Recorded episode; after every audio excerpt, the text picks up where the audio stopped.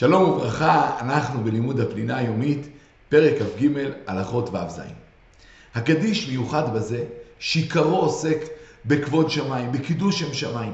לכן צריך לכוון מאוד בענייתו ולהיזהר שלא להסיח את הדעת, קל וחומר שלא לדבר בזמן אמירת הקדיש. כל כך הגדילו חכמים את מעלת הקדיש ואמרו שכל העונה אמן יהא שמי רבה, בכל כוח כוונתו קוראים לו גזר דין של 70 שנה. ומתי שהיו ישראל נכנסים לבתי כנסיות ואומרים, יהא שמי רבה מבורך, בקול גדול היו מתבטלות מהם כל הגזרות הקשות. ויותר מזה, כתוב בגמרא בברכות, בשעה שישראל נכנסים לבתי כנסיות ולבתי מדרשות, ועונים יהא שמי הגדול מבורך, הקדוש ברוך הוא כביכול מנענע בראשו ואומר אשרי המלך שמכסים אותו בביתו, מה לו לאב שהגלה את בניו? אוי להם, לבנים שגלו מעל שולחן אביהם. כלומר, הדבר מעורר את זיכרון הגאולה, והקדוש ברוך הוא מתעורר לגאול את בניו. כיוון שיש בדבר קידוש שם שמיים, ממילא צריך להגיד אותו בעשרה, שהרי רק בעשרה השכינה שורה ומתקדש שם שמיים כראוי. הקדיש נתקן בלשון ארמית. כי הייתה שגורה בימי בית שני בפי כל ישראל. ונתרגם את לשון הקדיש לעברית. יתגדל ויתקדש שמו הגדול בעולם שברא כרצונו. וימליך בו את מלכותו, ויצמיר אך ישועתו, ויקרב משיחו. בחייכם ובימיכם. זה מדבר על הציבור מתפללים. ובחייהם של כל בית ישראל, במהרה ובזמן קרוב עמו אמן. ואז עונה הקהל, יהא שמי רבה מברך לעלם ולעולמי עולמיה. כלומר, יהי שמו הגדול מבורך לעולם ולעולמים. וממשיך החזן, יתברך וישתבח ויתפאר ויתרומם ויתנשא ויתהדר ויתעלה ויתהלל שמו של הקדוש ברוך הוא. למעלה מכל הברכות והשירות והתשבחות והנחמות האמורות בעולם, ואמרו אמן. זה עיקר הקדיש, והוא הנקרא חצי קדיש, כדי להבדיל אותו מקדישים אחרים שנדבר עליהם עוד מעט, ששם יש תוספות. אבל העיקר העיקר זה החצי קדיש, והענייה עליו היא חשובה מאין כמוה. ולכן ממילא אפילו מי שנמצא באמצע ברכות קריאת שמע יכול להפסיק כדי לענות עליו.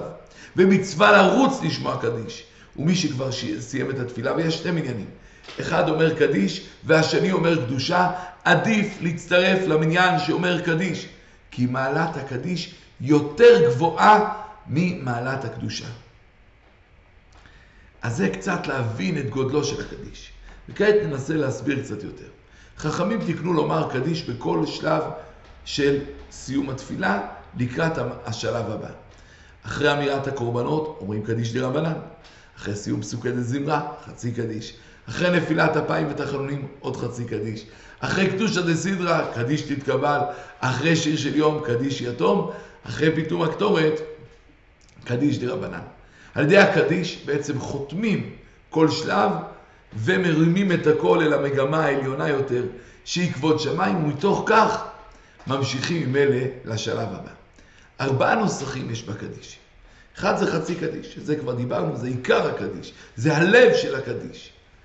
וכל מקום שלא רוצים להאריך, אומרים רק חצי קדיש. קדיש יהא שלמה, שהוא גם מכונה קדיש השלם, אומרים אותו אחרי פסוקי תנ"ך. ויש בו גם בקשה שיהיה לנו, לכל ישראל, שלום וחיים טובים.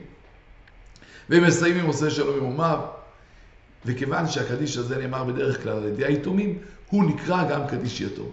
אז זה הסוג השני, קדיש שיש להם הרבה, שהוא קדיש שלם, הוא קדיש יתום, זה אותו אחד. קדיש נוסף זה קדיש תתקבל.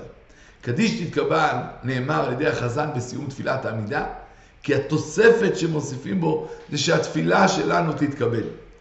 והקדיש הרביעי והאחרון זה קדיש דרבנן, אותו אומרים אחרי לימוד בדברי חכמים, ויש בו תוספת לפני הקדיש השלם, שמוסיפים תפילה לומדי התורה, שיזכו לחיים טובים וארוכים.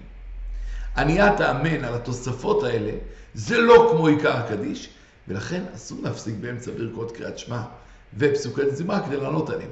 כי כמו שאמרנו, החשיבות הגדולה היא באמת יותר בחצי הקדיש, ושמה ממילא אדם צריך להפסיק כדי לענות. ונסיים בשאלה, למה מעלתו של הקדיש כל כך גדולה? ומה המעלה היותר גדולה, קדושה או קדיש, ומדוע? שלום, שלום.